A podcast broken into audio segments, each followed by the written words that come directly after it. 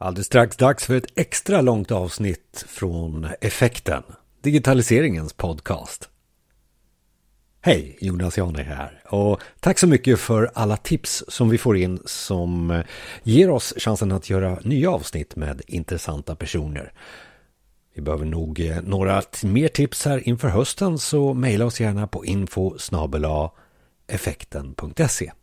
Ge oss ett ämne och en person så ska vi vända och vrida och se om inte det kan vara intressant för flera som vill just eh, effektivisera arbetet runt digitalisering. Dagens avsnitt, ett temaavsnitt då extra långt och kanske också extra intressant om jag får säga det själv.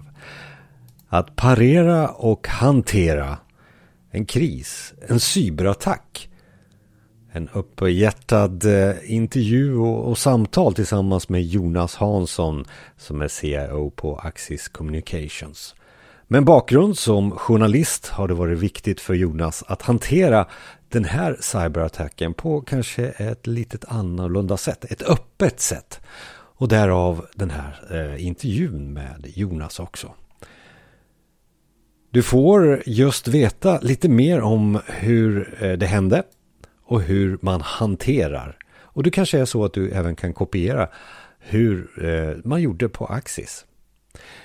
Jag tillsammans med Micke Nobäck fick ett samtal här i juli 2022.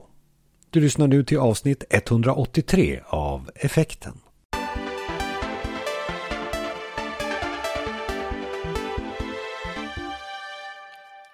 Podden fick eh, då bjuda in Jonas och, och Micke är också med här. Och det intressanta med att bjuda in dig Jonas det är att vi ska prata om någonting som kanske inte så många pratar om egentligen eller, eller vill avslöja eller ha åsikter om. Cyberattack och hur man hanterar eh, en sådan. Det här ska bli roliga eh, minuter framöver här i, i podden. Välkommen Jonas för övrigt. Tack så mycket. Så här då, vi börjar väl någonstans. Alltså, vad, vad är en cyberattack för dig? Eh, så bara så vi tar begreppet så till att börja med. Mm. Um, ja, om, om vi börjar bakifrån och säger att skyddsmässigt så försöker man ju skydda sig företag från att um, någon kommer in och hindrar företaget från att uh, fungera effektivt. Informationen som finns måste vara tillgänglig. Den må, systemen måste vara uppe, det måste vara igång och informationen måste vara rätt. Alla personer som har eh, tillgång till systemen måste också ha rätt access. Det är mycket saker som ska fungera för att ett bolag ska funka. Så i någon typ av väldigt bred bemärkelse så är säkerhet till för att bolaget ska eh, kunna arbeta på ett tryggt och säkert sätt utan att saker kommer vilse. Och säkerhet har, har ju en, en väldigt viktig utmaning mot sig och det är att ofta så behöver den ställas i kontrast till användbarhet. Så ett riktigt säkert system brukar man ju säga är ett stängt system. Och det där, ju, det där innebär ju i sig att ska man få ett företag att funka så måste man ibland fundera noga på vilken säkerhet som är ändamålsenlig och vilken säkerhet som blir i vägen för användarna. Och den balansen är, den är svår. Den gör man aldrig på ett riktigt bra sätt. Och vänder man då på, på, på, på steken igen och säger att en attack kan då syfta till några olika saker. Det kan till exempel vara att ta sig in i system och liknande för att ta del av information. Eller så kan det vara att komma in och sabotera någonting. Eller den tredje aspekten är att komma in och manipulera information. Med låg intensitet komma in och ändra information som gör att ett företag fattar fel beslut och liknande. Och det finns exempel på, på, på en mängd olika typer av, eh, eh av, av, av attacker. Men ganska många attacker bygger egentligen på att eh, människan är den svaga länken. Det, det, är ganska ofta tekniken i sig håller men människor är, är, är slarviga, man sitter på ett flygplan och pratar för högt och så vidare. Så att det är inte alla informationsläckor som är resultat av en cyberattack. Men när man tittar på försvar mot olika typer av attackmönster så måste man titta på hela bilden. Det hjälper inte att täta systemen om människor sitter och berättar högt och ljudligt på tåget. Så det innebär att, att, att syftet är just att skydda sig undan att information läcker eller att information saboteras eller att information eh, manipuleras kan man säga.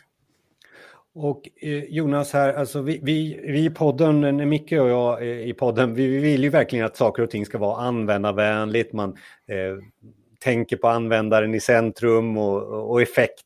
Det är ju liksom namnet på den här podden till exempel också. Eh, eh, jag, egentligen, jag kan fråga Micke, har, har, har cybersäkerhet och, och, och vunnit över användarvänlighet? Ja, jag ska väl börja med att säga att, att eh, Jonas och jag, vi jobbar på samma företag. Eh, och, eh, ehm, så att jag, har, jag upplever ju på något sätt det som, som Jonas eh, kommer berätta om. Eller jag har upplevt det som, som Jonas kommer berätta om idag. Och eh, jag håller ju förstås med när det gäller eh, användbarhet och, och säkerhet att det ofta står i konflikt med varandra. Och vi som jobbar på lite större bolag är ju, är ju vana vid att, att eh, logga in lite överallt och få tvåfaktorsautentisering och eh, hålla på med mobilen och knappa in koder och, och, liknande. Och vi är vana vid att eh, det kan vara bökigt att komma åt system, eh, både internt och externt och det kan vara saker som är nedstängda korta perioder och ehm, och sådär. Så att jag tror att eh, som IT-företag i IT-branschen så har man en viss eh, förståelse för komplexiteten. Jag tror att det, det här, de här frågorna är nog ännu känsligare på något sätt för användarna när man inte är insatt i, i den här branschen och inte riktigt förstår de hot som finns kanske och varför vi gör som vi gör. Ja men så är det, jag håller med dig. Och det är därför det är så himla viktigt att informera mycket, att också hålla på och utbilda användarna eller se till att ta med dem på resan. För förändringen blir aldrig bättre än att man kan få människor att acceptera den. För annars så kommer människor jobba runt den eller vilja göra på ett annat sätt och få legitimiteten och acceptansen för det man gör. Det, det, det, det är viktigt att vara transparent och öppen i det. Och det är, det är i sig en egen utmaning. Ja, och jag tror att nästan alla bolag som jag har jobbat på, det har varit ganska stora, eh, alltså som IBM och Motorola och liknande. Eh, på alla de bolagen så har det funnits någon sorts eh, dark wifi, något litet lokalt wifi som någon har satt upp som heter Pelle eller något sånt där.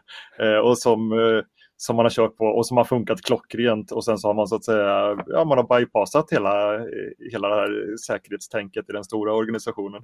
Så att det är ju risken när det blir för svårt. Mm men att då hittar man de här genvägarna eller de fula sätten att lösa det på. Shadow IT. Men alltså mm -hmm. nu pratar vi ju om attack. Nu blir det liksom även den som vill jobba med eh, det här nätverket Kalle eller vad du kallar det. Eh, då blir det lite allvar när det är attack. Då förstår alla att det är det här är inte bra. Det här är inte bra. Och Jonas, du har nyligen en erfarenhet utav cyberattack. Eh, och egentligen är jag liksom sådär, det är lite, jag känner mig, jag går lite på tårna när jag ställer den här frågan, för oftast är det så att man kanske som bolag eller den som har råkat ut för det kanske inte vill avslöja allt för mycket vad är man har råkat ut för. Men du har varit väldigt transparent och du har pratat om eh, just det här med information som du gjorde nu till exempel. Så vad är det du kan prata om utifrån vad var det som, vad, vad är en, vad hände i cyberattack? Du har en ny, nyligen erfarenhet. Mm. Vad var det som hände? Det är en bred fråga som du får liksom bredda svaret utifrån vad du kan svara och mm. exemplifiera. Mm. Men jag tror framförallt att trovärdighet för vår del hänger på att vi är transparenta. Det kommer vara väldigt många som märker om ett företag har problem, men är man inte öppen med det hela så kommer någon annan att lägga berätta historien. Och, och för vår del så, så, ehm, så finns det några sanningar. Va? Du, du väljer väldigt sällan krisen du ställs inför. Men du kan välja ditt sätt att svara på den. Du väljer hur du agerar. Så vad vi gjorde var att förlita oss på att företag vi jobbar med förstår det. Att, att man vet att, att vi har jobbat hårt med säkerheten men ingen är immun mot att bli attackerad. Det vi kan göra är att förklara hur vi har gjort det och berätta öppet vad som har hänt. Och syftet med det den är ju att både blanda in alla anställda men också alla kunder i hela resan så att de själva får tid att agera. De får själva tid på sig att göra någonting åt det ifall det skulle finnas en bäring, ifall det finns en påverkan på dem. Då måste de få tid att arbeta med sin egen säkerhet i det hela. Eh, och den filosofin att transparens och öppenhet bygger förtroende på lång sikt, även om det är vi som sitter med eh, ja, brallorna i myrstacken för att komma med en så kallad katakres och blanda ihop två vackra uttryck. Så, så är det klart att vi, vi, vi, vi vinner ju på, på att vara öppna. Det finns en gammal sanning i journalistkretsar som, som säger att krigets första offer är sanningen. Och väldigt ofta är det samma sak med krishantering. Spekulationer börjar bli vilda överallt och det börjar, människor vet precis, tycker de vad som har hänt och sen så jobbar ryktesspridningen mot en. Um, och det visste vi ju ganska väl natten mellan den 19 och 20 februari när vi hade människor som jobbade och upptäckte att eh, några av våra centrala system slog larm. Därför att de hittade obehörig aktivitet i linnäten. Och det var första dagen på sportlovsveckan. Det var natten mellan lördag och söndag på sportlovsveckan. Så i Sverige var ju människor bortresta eller på väg bort. Så jag och eh, centrala delar av min organisation, vi var på semester. Så att, så att eh, när larmet gick på morgonen så ringde min infrastruktur och säkerhetschef till mig och sa att du Jonas, det är, det är aldrig en bra dag när du och jag pratas vid på en söndag. Så. Och det var klockan nio på söndag morgon och, och då, då började vi ta in eh, externa företag för att bekräfta att vi hade någon, någon inne i näten och titta på det. Så vi kontaktade eh, ett expertföretag på området som, som, som hjälpte oss bekräfta att vi hade en pågående, eh, ett pågående intrång. Och tre timmar senare så Eh, hade vi första mötet då de hade sett spåren och de sa att, att, att eh, vi hade en, en, en pågående attack. Då fattade vi beslutet att stänga ner företaget från, från nätet, ta bort all extern access. Eh, och det, det, det, är inte riktigt som att dra ut en sladd i hemmaroutern när man har 52 kontor och kanske 17-18 produktionssajter runt världen. Så det är ett antal, det, det, är ganska mycket arbete som ska göras för att klara detta för att sen kunna dra igång bolaget igen på ett kontrollerat sätt. Um, men det beslutet, det jag tycker är intressant i det här sammanhanget är att varenda sekund kultur och förtroende vi har byggt i företaget, det är precis vid de här tillfällena man har nytta av det. Därför att beslutet att stänga ner företaget, det tog sammanlagt fem sekunder att fatta. Jag fattade tillsammans med min infrastrukturchef och sen ringde jag vår VD och vi var, den processen tog sammanlagt fem sekunder. Sen så var vi på väg att stänga ner alla nät. Så jag sa det till vår VD att jag har just fattat det hårigaste beslut jag någonsin har fattat i företaget eh, och, och vill du stänga då backa det är det fortfarande möjligt men annars kommer det här att hända. Och, och, och det bygger på att vi har en upparbetad, eh, ett upparbetat förtroende oss emellan. Att vi inte behöver börja diskutera vad nu hänt och varför är detta, varför är det nödvändigt. Och, och, och, och det är precis det som är eh, arbetet man måste göra inför en attack. Man måste bygga förtroendet och relationerna och, och, och möjligheten att vara snabb när det gäller. Hela det förberedelsearbetet gör man, gör man i förväg. Sen började vi plocka ner tjänster för att, för att med syftet att försöka få kontroll över situationen. Så det vi inte visste när det hände, det var vad är det som sker, hur långt har de kommit och vad gör de? Det man är rädd för i sammanhang det är ju att någon har en, en, en, eh, eh, en, en, en länk till mjukvara som gör att de kan Eh, Eh, som man säger exfiltrera information, alltså ta, flytta information ut ur nätverken och sen kryptera servrar i syfte att antingen förstöra eller, eller, eller eh, göra någon typ av ransomware-attack. Till exempel. Um, men eftersom man inte heller riktigt vet vad det är som händer när, när man klipper eh, linan så, så, så, så är det ju nervös väntan. Det kan ju vara så att man triggar någonting som också är uppsatt för att, för att eh, liksom reagera på att vi klipper linorna.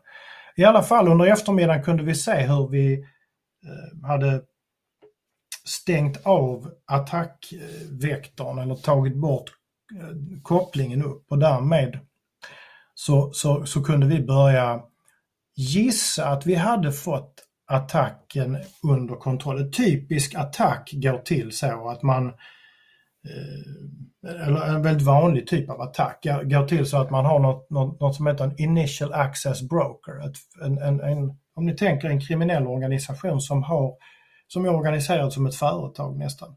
Någon som börjar med att arbeta upp och, och ta sig in i företagsnäten och sen säljer de accessen vidare till en annan grupp som sen tar information och krypterar och, och, och, och tar det vidare.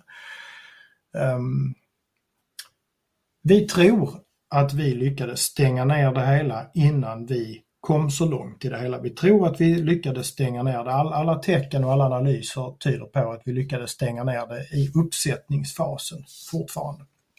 Men man måste vara extremt ödmjuk i det här fallet. Det är aldrig en framgång att man blir attackerad. Ehm, men som jag sa, man kan, man kan inte alltid välja vad man utsätts för. Man får välja sin respons i läget. Så vi, vi ehm, började arbetet med att systematiskt gå igenom hela vår infrastruktur och hela vår miljö när vi hade väl fått bort eh, den akuta risken. Och sen, så vi hade egentligen ingen närtid på några, på några system. Jag vet att våra användare kunde inte nå systemen men inga av våra system var nere. Det var bara det att vi kunde inte göra dem tillgängliga för användare förrän vi hade tvättat eller bekräftat att de inte var eh, drabbade.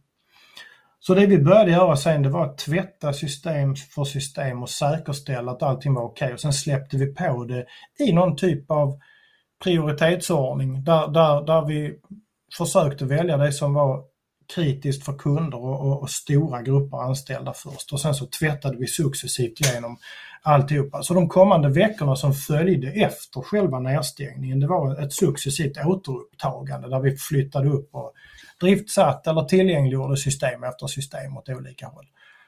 Eh, men, men ehm, i detta så, så är det klart att har man då som vi 52 eh, egna kontor som stängs av och vi har anställda, flera tusen anställda i en mängd olika länder som sitter långt bort så är det frustrerande. Det skapar en tryckkokare fort i företaget. Så att vi, vad vi gjorde och vad jag tycker att vi gjorde, vad vi gjorde rätt, det var att börja informera väldigt mycket väldigt tidigt.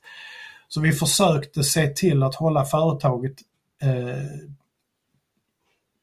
informerat om precis vad som hände hela vägen. Vad vi gjorde, vad vi visste, vad vi inte visste och hur vi agerade och försöka göra det på, på ett ganska personligt sätt så att människor kunde ta till sig informationen.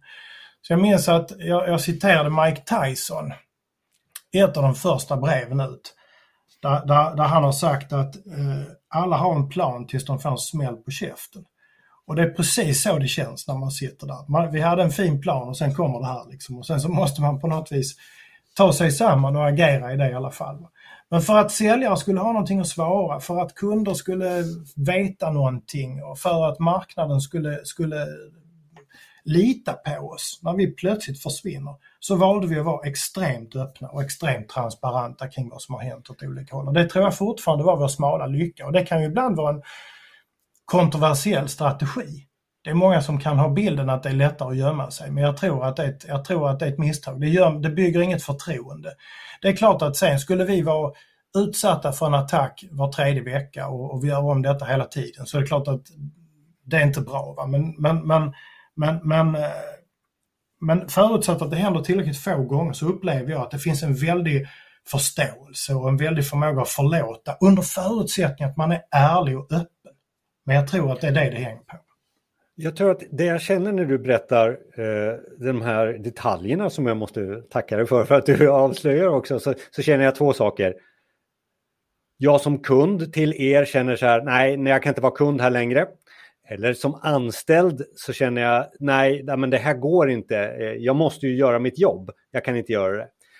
Nu får eh, säkert Micke ta det här eftersom ni jobbar på samma jobb. Du får ta det perspektivet. Men om vi tar kundperspektivet då. Ingen kund är här utan eh, känslan utav det här att jaha, nu har det här företaget blivit utsatt för en cyberattack. Jag tror inte på de här eh, längre. Fick ni den reaktionen? Det här är min förutfattade mening. Mm. Um, Nej, det fick vi egentligen inte, men det är klart att man får ju alltid förutsätta att det man hör är bara en liten del av de reaktioner som finns. Så det finns ju en, det finns en oro ibland att saker och ting kan ha påverkats mer än, än, än vad det har gjort. Det man ska komma ihåg är att vi stoppade attacken så tidigt så att vi lyckades hindra någon annan typ av Eh, konsekvens eh, för kunder och för egentligen annat än ett, ett, du vet, ett visst produktionsbortfall i företaget. Vi tappade tid. Eh, men syftet, men, men en hel del av våra aktiviteter inne på företaget, det byggde ju på att bekräfta för kunder att vi var värda förtroendet. Ena delen var transparensen och berätta vad som hade hänt när vi stoppade hela, att vi, vi hade fångat det tidigt. Den andra biten var att tydligt dela med oss av så kallade IOC, Indicators of Compromise, alltså olika tekniska tecken som gör att man själv kan identifiera den, den, det sätt som attacken har gått till på. Jag har fört dialog direkt med massor med slutkunder för att förklara för dem vad som har hänt. Öppet och de har kunnat ställa alla frågor själva, bekräfta det hela.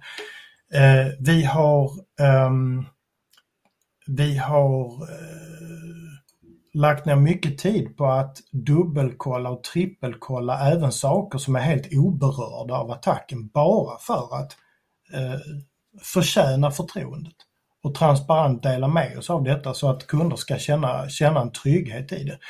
Så jag menar förtroendedimensionen är vi ju väldigt medvetna om att den, att den, eh, att, att den, att vi tar en risk med det. Men personligen så är inte jag av åsikten att ett företag är mer värt förtroendet för att de mörkar någonting. Det som däremot är viktigt är att man talar sanning när man öppnar sig. Man måste berätta vad som har hänt och det, måste, det man säger måste vara sant. Och jag tror att eh, där har vi ju kulturen på vår sida igen kan man säga. Vi har ju alltid valt att vara transparenta och öppna med det vi är och så har vi valt att bygga förtroendet på den öppenheten. Så vad vi istället har fått är ju feedback ifrån stora kunder och partnerföretag där, där, där, där vi är eh, tacksamma nog och glada att ha, ha fantastiska kunder som, som ger oss feedbacken av typen ännu en gång har Axis visat hur man, hur man leder vägen med och visar vägen i, i, i krishantering. Och, och, så det kunder säger till oss att vårt sätt att hantera det är ovanligt. Men, men de visar också att de uppskattar det. Och, och jag menar det är klart att eh, jag hoppas ju att de, att de menar det. Eh, men men, men eh, och man, vi vet som jag sa, man måste vara ödmjuk. Vi vet aldrig allting. Men, men vi, har, vi har mötts av en väldig, vi har mötts huvudsakligen av en väldig förståelse och en glädje att vi har berättat snarare än någonting annat. Och framförallt en reaktion att det, vi, har varit, vi har varit ovanligt öppna. Och jag tror att öppenheten i sig har, har, har, byggt, byggt, hoppas vi, avsikten har varit det, förtroendet i alla fall. Micke, vad är din upplevelse? Eh, du var ju liksom inte med i hetluften sådär, utan du är ju anställd så, men ja, dina kommentarer? Ja, jag är av de, de 4 000 som drabbades också då. Eh, men eh, precis som Jonas sa lite tidigare så just tack vare den här interna täta kommunikationen på ett ganska personligt sätt Eh, där vi förstod hur, hur man verkligen kämpade inom företaget och inte bara stängde ner och det blev tyst och så slutade systemen fungera. Och som, sen, alltså, det, det, är ju det andra sättet att hantera en sån här sak på och det, det hade inte varit framgångsrikt i, inom Axis. Vi, vi, har en alldeles för vi har alldeles för högt i tak eh, på andra områden så det skulle kännas väldigt konstigt tror jag om man hade eh, stängt ner eh, den interna kommunikationen. Men jag har, jag har en massa med, med sådana här eh, nyfikna frågor. Eh, Jonas, alltså bara, för det första, var det mänskliga faktorn eh, som man tog sig in på eller var det något annat sätt? Ja, det var det. Det var, det var mänsklig det var faktor. Det var resultatet av en, av en social engineering-attack där, där man utnyttjade en, en um, uh, man fick en person att godkänna en, en multifactor authentication förfrågan som gjorde att man tog sig in i en normal användares inloggningsförfarande. Så att det var egentligen ingen, ingen, eh, det var ingen teknisk lucka utan det var mer en fråga där vi måste jobba med beteenden och vi måste jobba med att skruva balansen mellan lättanvändbarhet och risken att det blir fel. Mm. Uh, vad tror du, vad tror du var, var syftet med attacken då?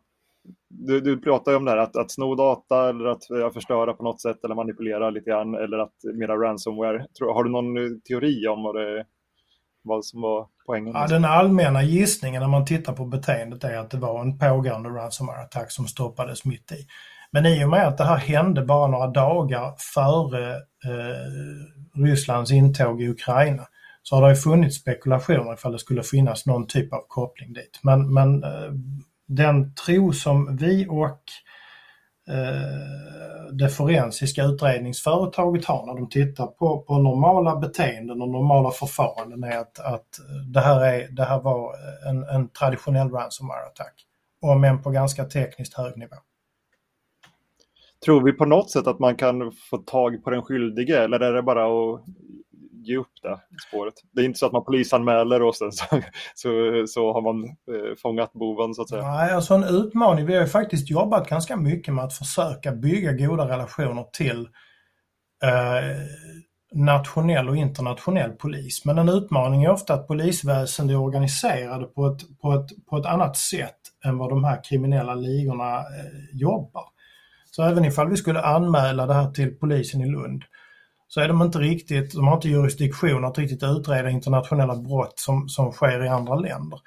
Så den frågan är, är, är, är ganska spännande i sig. Hur utreder man en sån här sak? Så vi har haft kontakt med Interpol och, och, och, och liknande om det hela också. Men, men, men egentligen tror jag att vi skulle behöva vara skickligare på att förstå hur internationell polis jobbar för att kunna vara bättre föra in, eh, föra in eh, erfarenheterna där. En annan utmaning kan ibland vara att svensk polis har um, alla svenska myndigheter jobbar ju med någonting väldigt bra i en offentlighetsprincip. Men det innebär också att, att alla svenska företag som, som lämnar ifrån sig teknisk bevisning, den tekniska bevisningen kommer sen så småningom också att bli offentlig handling. Så det här, måste man, det här, det här kan man också ibland behöva fundera lite på, att det kan finnas en, här kan finnas en komplexitet när man ska hantera Eh, internationella brott av teknisk karaktär åt olika håll. Det är inte alltid lätt med organisationer och hur man ska få ihop detta. Men vi gör allt vi kan för att få detta lagfört på ett bra sätt. Eh, för vi tycker att det är viktigt också att se till att inte detta är du vet, vi vill vara en god samhällsmedborgare. Vi vill driva världen åt rätt håll. Vi vill se till att det fungerar. Men med det sagt så är det ju ganska svårt att, att, att få en ordentlig eh, ett spårbarhet. I samma ögonblick som vi klippte kontakten så förlorade vi också möjligheten att, att spåra länken bak och se vem, vem det var som är skyldig. Um, uh, så jag menar, vi har vissa spår men, men egentligen ingen, ingen, ingen självklar uh, bild av vem det var. Det har vi inte. Jag tänker, det är ju tid och pengar eh, hänger ihop här. Eh, och attacken skedde i, i slutet, som du sa, där på februari. Skulle du säga att vi är tillbaka där vi är nu? Är vi tillbaka där vi var innan nu, fast med en säkrare eh, eh struktur då, eller en säkrare, säkrare teknik? Ja, ja, både och kan man väl säga. Vi är väl tillbaka i, alltså vi är tillbaka i full produktion när det gäller allting väsentligt. Eh, sen, sen, sen länge. Eh, men, men en del av alla beslut vi fattade, man kan säga så här att ett företag har ibland svårt att föra in säkerhetsförändringar därför att det kräver att man stoppar verksamheten och utbildar om alla människor. Här fick vi världens längsta driftstopp. Så vi hade en jättechans att göra säkerhetsförändringar som förflyttade bolaget fem år fram i tiden på en gång. Så det gjorde vi på många områden. Nu är vårt jobb att se till att vi får tillbaka en användbarhet i vissa bitar och de processerna är fortfarande igång. För det finns en del av våra interna processer nu där jag själv tycker att det har blivit för, för svårt eller, eller inte bra nog och sådär. Nu är vi säkrare men, men, men samtidigt så måste det också vara eh, det måste vara möjligt att jobba i det på ett vettigt sätt. Så den balansen där vi tittar på just säkerhet mot användbarhet, den pågår och där har vi ett antal rätt så, rätt så intressanta förändringar på gång utan att jag kanske ska gå in på detaljer här. Men, men nej, så både ja och nej. Vi är tillbaks i någon typ av fullt fungerande drift, men den är inte alltid helt praktisk. Så kan man säga. Och, och vi ska se till att göra det lite mer praktiskt framöver.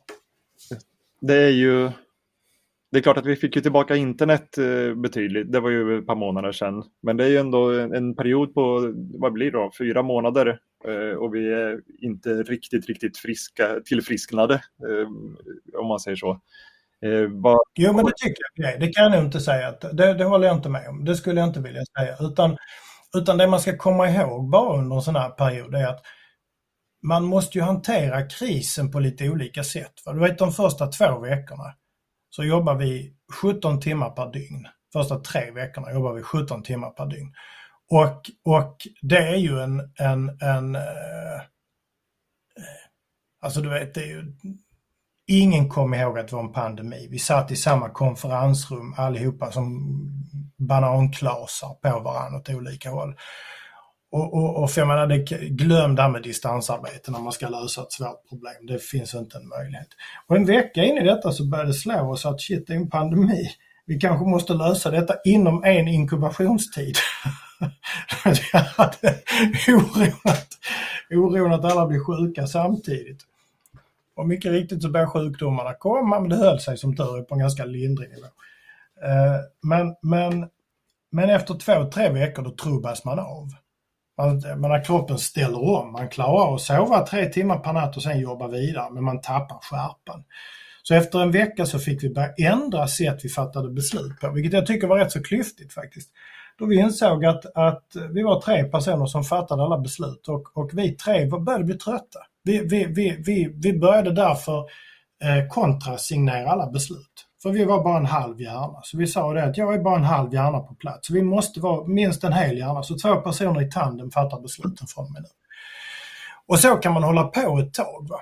Men när man då har kommit några veckor in i det då måste man nå fast mark. Då måste man se till att skapa en annan typ av lugn för organisationen och långsiktig plattform. Så de första tre, fyra veckorna var liksom akutfasen och sen var vi mer eller mindre färdiga eh, med allting. Men därefter går man tillbaks i någonting som man måste takta ner och ta hand om människor för annars dör folk. Det går liksom inte. Och, och, och, den krisledningen är också viktig. Hur går du tillbaks till någonting som är rimligt och bra nog? Så att det enda vi gör nu, jag menar vi hade kunnat leva vidare i det vi har idag permanent. Det är bara det att vi inte riktigt vill. Liksom, vi, tycker att, vi tycker att det bör vara lite praktiskare åt olika håll. Vi tycker att det borde, borde vara snällare och roligare att göra vissa saker för vi kommer aldrig ihop, ihåg eh, att det var lättare och roligare tidigare. Och så har vi jobbat med att se till att det ska vara säkert nog men lätt och roligt i framtiden. Men vi hade utan problem kunnat jobba med det vi har idag också. Um, så att, så att uh, men det är klart att sen är det Sen är det väl lite individuellt vem man frågar. Det är klart att vissa saker får stryka på foten. Det finns alltid någon som har en favoritlösning som inte kom tillbaka. Och, och, och det är klart att den kommer vi inte att få tillbaks någonsin. Liksom. Så det är också en sån här permanent, permanent förändring i vissa fall. Men jag tycker nog överlag att, att, att eh, det kunde gått rätt mycket sämre. Mm. ja, för det var, det, var min, det var min fråga Jonas. Alltså, är det någonting du skulle ha gjort annorlunda i beslutsväg. Nej. Självklart. Men nej. är det någon sådär? Nej. nej, nej, inte någonting i det här fallet. Utan jag skulle säga att organisationen, människorna har jobbat fantastiskt. Jag är så extremt tacksam över att vi har duktiga människor som har ställt upp. Vi har kollegor som har stått och hjälpt till från alla avdelningar. Det har varit en kraftsamling som är fantastisk. Så jag, jag, jag, eh, jag gick hem med mer energi på kvällarna än jag gick dit. Varenda kväll. Det var, det var, det var en fantastisk eh, övning i du vet, gruppdynamik och få ihop en organisation och, och samarbete åt olika håll. Förutsatt att man inte gör det för ofta så, så, så, så, är, det, så, är, det inte alls, så är det inte alls en dålig upplevelse på det sättet. Sen ska man inte be om problem. Men, men, men äh, äh, men, men, men äh, utifrån vad vi gjorde, utifrån vad vi visste, så tror jag att vi hade inte kunnat, vi hade inte kunnat göra ett bättre arbete. Det hade vi inte kunnat göra. Det vi kan göra bättre det är såklart i det preventiva arbetet. Det får man ju vara superödmjuk och säga att uppenbarligen har vi inte lyckats nog i det preventiva arbetet. Vi har ju inte lyckats hålla, hålla helt tätt. Vi måste göra det bättre. Eh, och, och, och, och så. Eh, så. Så det är precis vad vi, vad vi också ägnar oss åt. Se till att konsekvenserna av andra fall att det inte uppstår eller ifall det uppstår att konsekvenserna blir annorlunda i, i, i framtiden kan man säga. Men, men eh, så som läget var så är, så är jag extremt stolt över organisationen och, och, och alla människor. Jag är tacksam för alla människors hjälp under tiden och förståelse för det hela. Så det var, det var en eh, det var ingen dålig upplevelse på det sättet. Frånsett att läget kunde varit annorlunda. Men jag tror att det, man ska komma ihåg det hela tiden, att man ska bygga det i goda tider. För det handlar om att, att man, när man väl behöver dra nytta av en organisation, eller man behöver få hjälp av människor, då är det viktigt att de vill ställa upp och att de, att de är drillade att tänka själva, att de är, att de är snabba och på en sida. Att inte människor stannar upp och ber om lov utan att de faktiskt kan, kan agera ordentligt. Och det bygger man inte när krisen är där. Det måste man bygga alla andra dagar på året. Vad tror du Jonas, det här är ju en, en, eh, svår fråga och inte så rolig kanske, men vad, vad, tror du att det har kostat ett eh, så pass stort bolag som, som vi pratar om här? Vad, vad tror du att en sån här cyberattack har kostat? Jag vet rätt väl vad det har kostat oss faktiskt. Vi har, vi har ju, vi har i direkta utgifter så handlar det om några enstaka, eh, det handlar inte om eh, särskilt mycket pengar faktiskt. Vi, vi förlorade egentligen ingenting i, i eh, produktionskostnad eller i produktionstid alls. Vi hade förseningar på några områden i ett antal interna projekt.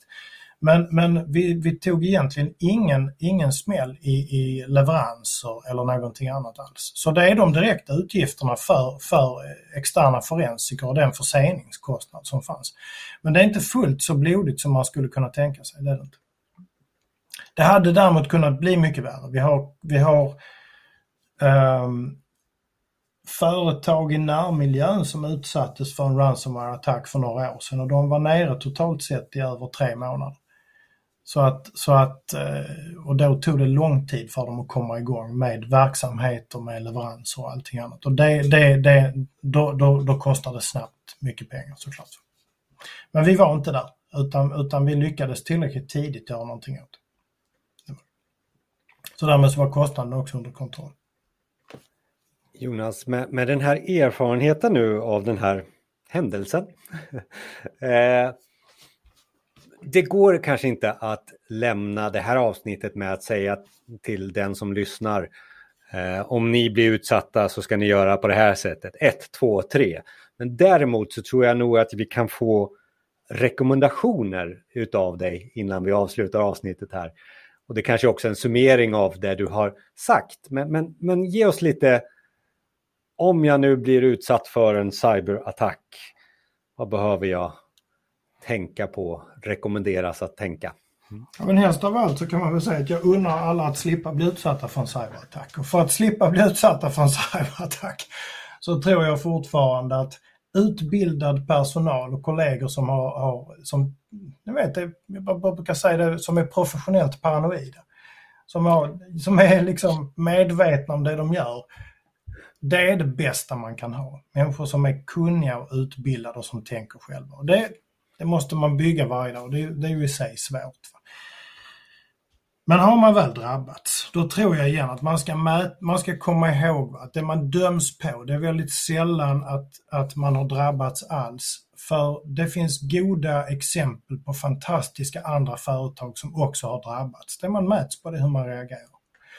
Och jag tror att man ska, vara, man ska våga vara öppen. Man ska våga vara transparent och våga våga ta med sig eh, kunder, anställda, eh, samhälle på resan och berätta vad som har hänt. Jag tror att det är, det är helt nödvändigt. Eh, men det underlättas igen av att man har byggt sin organisation i tid. Så att jag tror att attackens respons börjar på en gång, redan innan de har kommit in. Det är egentligen det jag tycker man ska ta med sig. Så att vilken organisation man än har, vilken verksamhet man än bedriver, så ska man försöka tänka igenom hur man agerar när det väl går åt skogen. För tyvärr är det så att för många av oss är det inte en fråga om om utan om när.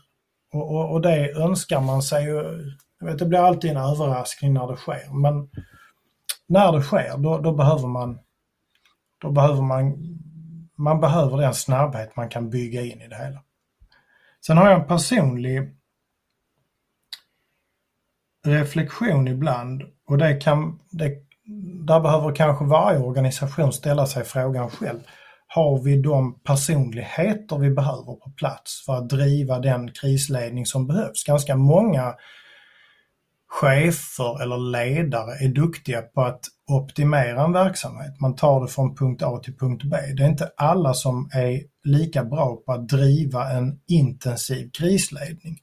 Och I det läget så kan man behöva fundera igenom vem ska sköta det här om det går åt skogen. För att det är ofta upplever jag en personlighetsfråga, att människor inte får vara rädda och fatta snabba beslut och, och, och får tåla att det går åt skogen. Men ibland är det värre att inte fatta beslut alls än att fatta fel beslut. Så att jag tror att, att det kan man också fundera på. Vem ska, vem ska ta täten i det här? Så att man slipper få ett maktvakuum eller en typ av osäkerhet eh, om rätt person driver det och sådär. Så väldigt mycket av framgången tror jag man bygger i lugnare tider. Kulturen, välviljan, förtroendet för organisationen. Um, fundera igenom vilka roller man har. Men det är klart att ingen organisation har ju någonsin eh, man kan inte lösa alla problem i förväg. Man vet inte vad man utsätts för. Så man måste i det läget vara beredd att, att improvisera och tänka i stunden. Och, och då tror jag igen att det, det, jag, jag har ingen bättre väg och ingen bättre lösning än att bara säga tillit. Att, att har man inte haft en öppen, tuff diskussion och gått vidare som vänner efteråt, så kanske man ska skaffa sig en sån i sin organisation. Så att man vet att man funkar även när, det, även när det bränner. För det är klart att har man bara provat relationen under väldigt, du vet, i medvind och nedförsbacke. Det, det, är inte, det är inte riktigt samma sak som att stå bredvid varandra när det riktigt blåser. Och, och, och då behöver man då behöver man att man litar på varandra och att ingen pekar finger. Och det låter inte som om det har med cyberattacker att göra, men det har med, det, det har med, med, med den press man upplever att göra när man måste våga fatta beslut och måste, måste, man har inte tid att lära sig då. Liksom. Så jag tror fortfarande att det är rätt, rätt råd att ge. Um, men för att koppla till cyberattacken i sig, den svaga länken igen, det brukar sägas vara människor. Interpol säger samma sak. Och, och, och, så det ska vi komma ihåg. Att, att eh, det är upp till oss allihopa. Det är vi som ska hålla det säkert. Det är vi som måste ha, ha huvudet på skaft allihopa. Och de där genvägarna vi tycker att vi behöver ta i vardagen för att det är lite mer praktiskt. Ibland så måste vi våga låta bli. Och så får vi istället försöka tjata med varann. Mikael och jag och alla andra och säga du det här är inte bra nog, det här är inte användbart nog. Nej, du har rätt och så får vi lyssna på varandra och göra det bättre tillsammans. Men det är flera mål man ska nå och jag tror att det en kris av den här typen gör, det är att det ändrar lite grann balansen i alla de där tveksamma beslutsfallen. Om vi tidigare fattar beslut när det var tveksamt så sa vi okej, okay, vi kan välja mellan användbarhet och säkerhet, så gick vi på användbarhet. Den här gången så är det stolpe in istället för säkerheten, till säkerhetens förmån. Så gör vi fel så gör vi det, så gör vi det lite säkrare istället för lite användbarare. Så de tveksamma fallen så kompromissar vi åt andra hållet idag. Och det är klart att så småningom så, så leder det till någonting annat än det vi har.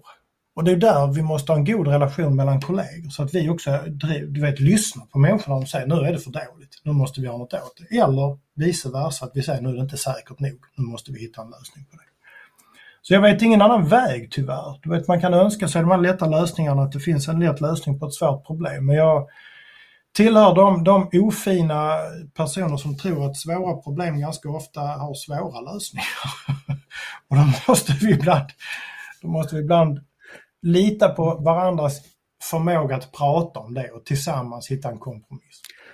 Den gemensamma nämnaren här är ju transparens. Den är ju stark. Det kunde ha varit så att du inte hade deltagit på den här intervjun. Det kunde vara så att ni hade stängt muren och inte vara informativa och berätta om, den. Det hade också varit en lösning, men kanske inte den som, som är den rätta.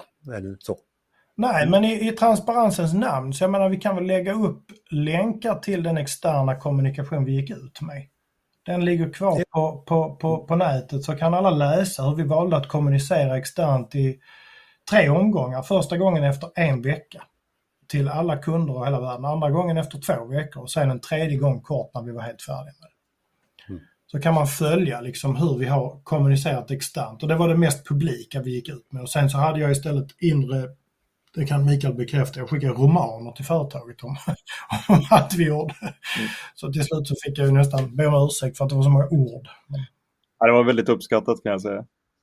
Så det var, så, så, så det handlar kanske mer om någonting annat än om attacken här, men jag tror att, att eh, du vet, få, så, att få tålamod i en organisation och få människor välvilja det spelar ingen roll om det handlar om en attack eller om någonting annat. Det, det, det är en viss typ av kultur du måste bygga. Jag tänker att det gäller ju arbetet under pandemin eller det gäller komponentbrist eller det gäller cyberattack eller ja, oron i Europa eller vad det nu kan vara här.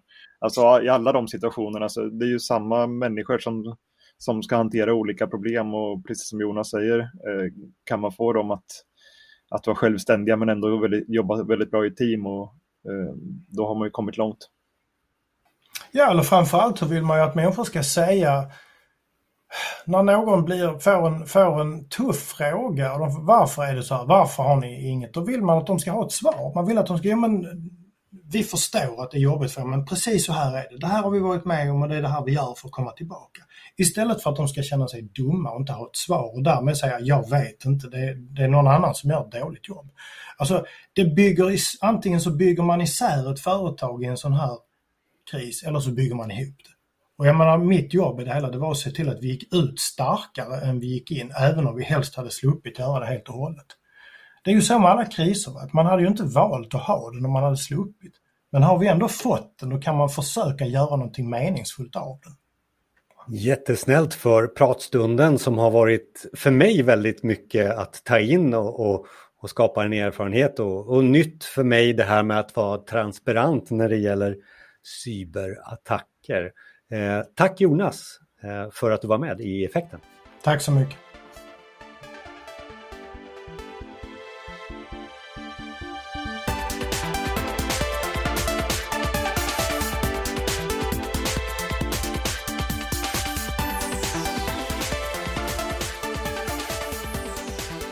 Mer om hur kommunikationen gick eh, på Axis, både externt och internt, får du nu direkt i din podcastspelare där i blogginlägget. Så har vi länkat till eh, Jonas Hanssons kommunikation eller Axis kommunikation under cyberattacken. Vill du komma i kontakt med oss eller Jonas så finns det kontaktuppgifter där direkt i din podcastspelare. Eller så besöker du oss på effekten.se, bli vän med oss på LinkedIn och även rekommenderar då vad är våra nästa gäst och nästa ämne. Dygnet runt så finns också effekten live-radio eh, där vi tar våra bästa avsnitt och även några andra digitala poddar och försöker att digitalt allmänbilda er. Eh, så besök oss där på effekten.se radio för lite live. Nu är det dags att stänga det här avsnittet. Jag hoppas att vi hörs snart igen. Jag är Jonas Jani och tillsammans med Micke Nobäck så gör vi Effekten, digitaliseringens podcast.